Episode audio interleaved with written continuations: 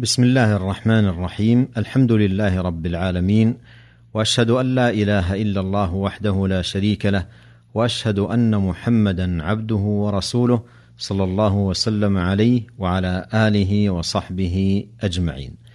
أما بعد ذكر ما جاء في صفة شرب رسول الله صلى الله عليه وسلم أي بيان كيفية شرب النبي صلى الله عليه وسلم أكان عن قيام أو عن قعود وكم يتنفس في الإناء ونحو ذلك.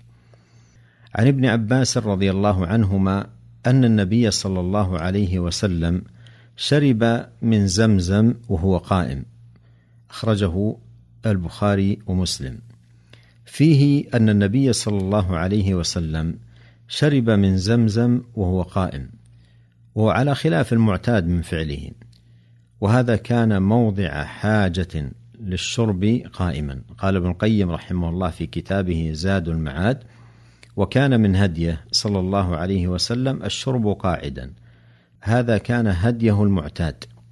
وصح عنه أنه نهى عن الشرب قائما وصح عنه أنه أمر الذي شرب قائما أن يستقيء وصح عنه أنه شرب قائما. فقال الطائفة هذا ناسخ للنهي. وقال الطائفة بل مبين أن النهي ليس للتحريم بل للإرشاد وترك الأولى. وقال الطائفة لا تعارض بينهما أصلا فإنه إنما شرب قائما للحاجة. فإنه جاء إلى زمزم وهم يستقون منها فاستقى فناولوه الدلو فشرب وهو قائم وهذا كان موضع حاجة. وعن عمرو بن شعيب عن أبيه عن جده رضي الله عنه قال رأيت رسول الله صلى الله عليه وسلم يشرب قائما وقاعدا. أخرجه الترمذي وأبو داود وابن ماجه. وهذا أيضا محمول عند الجمهور على بيان الجواز أو أن ضرورة ضيق المحل حملته على ذلك. وأما شربه صلى الله عليه وسلم قاعدا فهو الأكثر. وعن النزال بن سبرة قال أتي علي بكوز من ماء وهو في الرحبة فأخذ منه كفا فغسل يديه ومضمض واستنشق ومسح وجهه وذراعيه ورأسه ثم شرب وهو قائم. ثم قال هذا وضوء من لم يحدث. هكذا رأيت رسول الله صلى الله عليه وسلم فعل أخرجه البخاري. الرحبة إما أنها المكان المعروف في الكوفة أو أنها المكان الواسع في المسجد ونحوه. فالمكان الواسع يقال له الرحبة. قوله ثم شرب وهو قائم هذا موضع الشاهد من الحديث. قوله ثم قال هذا وضوء من لم يحدث أي من لم يرد الطهارة من الحدث بل أراد التنظيف. فليس المراد بالوضوء هنا الشرعي وإنما المراد به اللغوي الذي هو غسل بعض الأطراف لأجل النظافة. وعن أنس بن مالك رضي الله عنه أن النبي صلى الله عليه وسلم كان يتنفس في الإناء ثلاثا إذا شرب ويقول هو أمرأ وأروى أخرجه مسلم. فيه أن النبي صلى الله عليه وسلم كان إذا شرب في الإناء لا يشربه دفعة واحدة وإنما يتنفس بين شربه فيشرب شيئا من الماء ثم يتنفس. ثم يشرب ثم يتنفس ثم يشرب فيكون شربه في ثلاثة أنفاس. وبين صلى الله عليه وسلم عظيم فائدة هذه الصفة فقال هو أمر أي أسوغ في الشرب وأروى أي أبلغ في حصول الري للعطشان. وهذا من كمال هذا الدين وعظمته ففيه هداية العباد لكل خير من أمور دينهم ودنياهم وأبدانهم وصحتهم فهو دين يهدي التي هي أقوم في كل جانب. وعن عبد الرحمن بن أبي عمرة عن جدته كبشة رضي الله عنها قالت دخل علي النبي صلى الله عليه وسلم فشرب من في قربة معلقة قائما فقمت إلى فيها فقطعته أخرجه الترمذي وابن ماجه. كبشة الأنصارية هي أخت حسان بن ثابت رضي الله عنهما. قولها فشرب من في قربة معلقة القربة وعاء لحفظ الماء تصنع من الجلد المدبوغ. قولها قائما شربه صلى الله عليه وسلم هنا قائما واضح أنه لحاجة لأنه شرب من في قربة معلقة. قولها فقمت إلى فيها فقطعته أي قامت إلى فم القربة التي شرب منها النبي صلى الله عليه وسلم ولامسه فمه فقطعته لتحتفظ به. وعن ثمامة بن عبد الله قال كان أنس بن مالك رضي الله عنه يتنفس في الإناء ثلاثا وزعم أنس أن النبي صلى الله عليه وسلم كان يتنفس في الإناء ثلاثا أخرجه البخاري ومسلم. يستفاد منه حرص الصحابة رضي الله عنهم على السنة وعلى الالتزام بآداب النبي صلى الله عليه وسلم الكريمة وجميل تأسيهم به عليه الصلاة والسلام.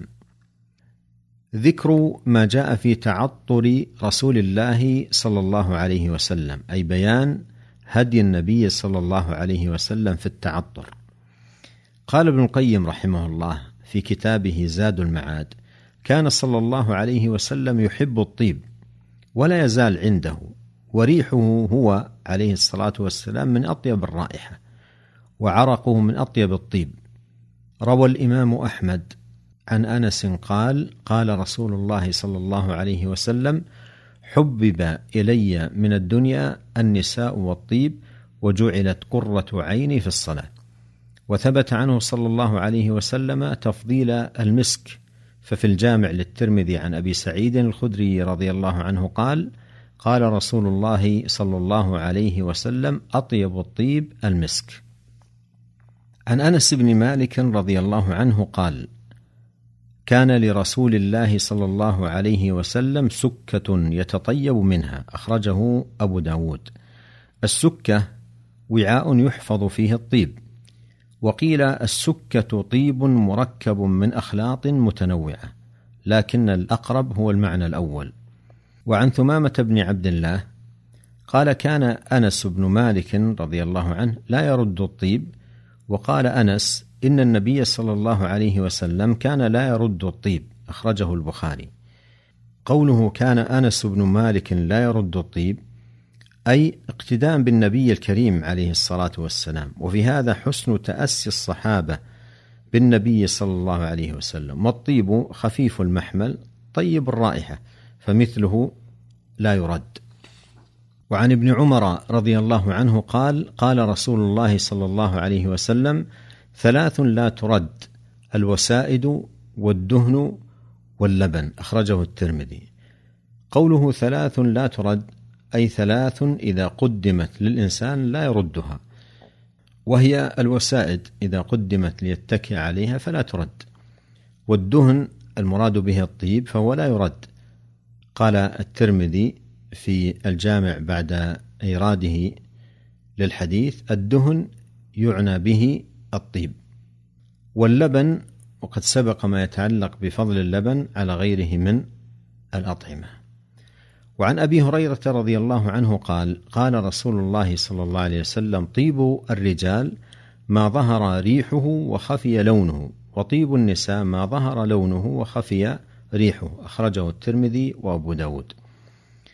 الطيب المناسب للرجال هو ما له رائحة طيبة ظاهرة وليس له لون لأن اللون يعطي نوعا من التجمل والتزين وهو مما تختص به المرأة. فهي تتزين وتتجمل بالألوان والحلي ونحو ذلك. فلذا كان الطيب الذي يصلح لها ما له لون ظاهر ورائحته خفية.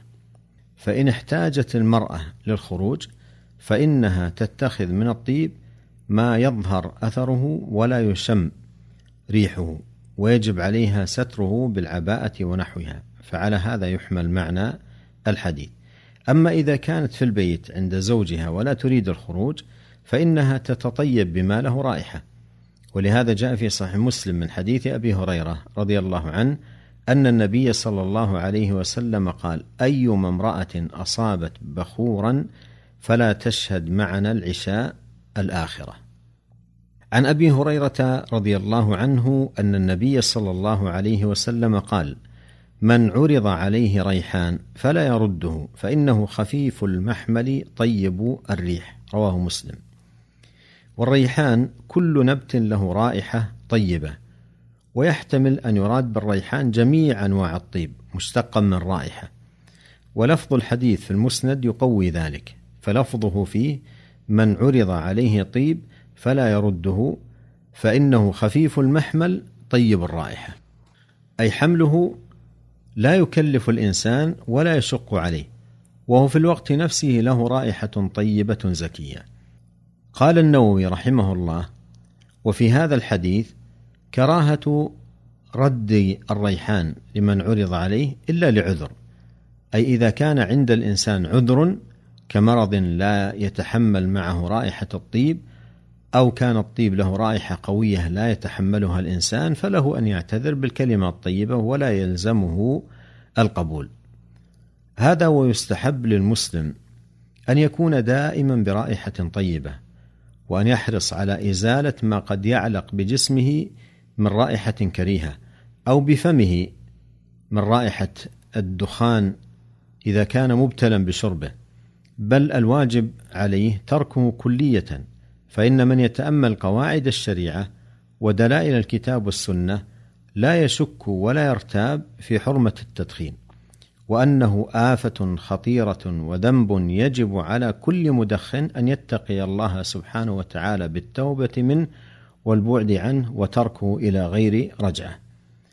وتتأكد العناية بطيب رائحة الجسم وسلامته من الروائح الكريهة عند صلاة الجمعة والجماعات وصلاة العيدين وعند الإحرام وعند حضور المحافل ونحو ذلك. قال ابن القيم رحمه الله في زاد المعاد وفي الطيب من الخاصية أن الملائكة تحبه والشياطين تنفر عنه وأحب شيء إلى الشياطين الرائحة المنتنة الكريهة فالأرواح الطيبة تحب الرائحة الطيبة والأرواح الخبيثة تحب الرائحة الخبيثة. وكل روح تميل إلى ما يناسبها. نسأل الله الكريم أن يوفقنا أجمعين لكل خير وأن يصلح لنا شأننا كله. إنه تبارك وتعالى سميع قريب مجيب. وصلى الله وسلم على عبده ورسوله نبينا محمد وآله وصحبه أجمعين.